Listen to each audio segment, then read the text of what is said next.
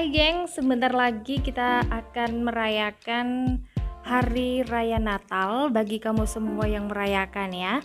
Dan gak ada salahnya dong kalau kita tahu beberapa fakta menarik seputar Natal. Nah biasanya nih kalau di hari Natal ada sosok pria berjenggot putih dengan baju kebesarannya berwarna merah ya. Itu sangat menjadi ikon yang penting banget kalau datang momen Natal. Masyarakat biasa mengenalnya dengan nama Sinterklas hingga ada pula yang menyebutnya Santa Claus. Ada yang bilang Sinterklas ini bahasa Indonesianya dan Santa Claus ini bahasa Inggrisnya. Ada yang bilang seperti itu. Namun jangan salah ya, kedua sosok ini ternyata berbeda dan banyak yang belum mengetahuinya. Aku juga baru tahu, jadi sekarang aku share ke kalian semua ya. Jadi perbedaannya apa sih antara Sinterklas dan Santa Claus ini? Yang pertama, siapa mereka sebenarnya? Kalau Sinterklas, dia adalah Santo Nicholas, seorang uskup Mira di Asia Minor atau Asia Kecil pada paruh pertama abad keempat. Sosok Santo Nicholas ini dipandang sebagai santo pelindung bagi anak-anak. Nah, kalau untuk Santa Claus, dia adalah karakter yang dibuat-buat berdasarkan Sinterklas dan Father Christmas. Jadi Sinterklas memulai debutnya di dunia baru tak lama setelah penjajahan Belanda di Amerika. Itu dia untuk siapa mereka.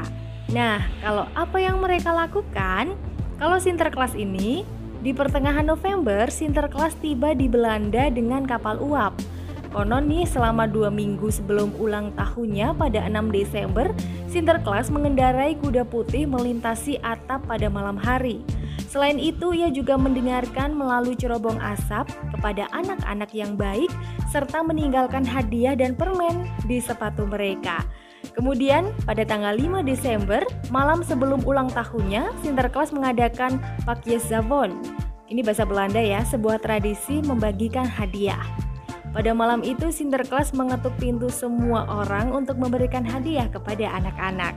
Nah, kalau Santa Claus, 24 Desember adalah malam Sinterklas pergi dari atap ke atap. Kemudian masuk ke bawah cerobong asap untuk memberikan hadiah kepada anak-anak yang baik. Jadi Santa Claus ini ia mendapat bantuan dari para elfnya yang membuat mainan di bengkelnya yang konon berada di kutub utara dan dia juga dibantu oleh rusa terbangnya saat membagikan uh, hadiah-hadiahnya itu dan ikonik banget ya kalau kita uh, tahu suaranya itu kan hu hu hu hu hu aku nggak bisa niruinya nah kalau soal urusan penampilan ini Sinterklas mengenakan jubah merah panjang di atas alba uskup putih tradisional dan terkadang stola merah. Dia juga memakai mitra merah dan cincin ruby sambil memegang tongkat gembala berwarna emas dengan atasannya yang melengkung.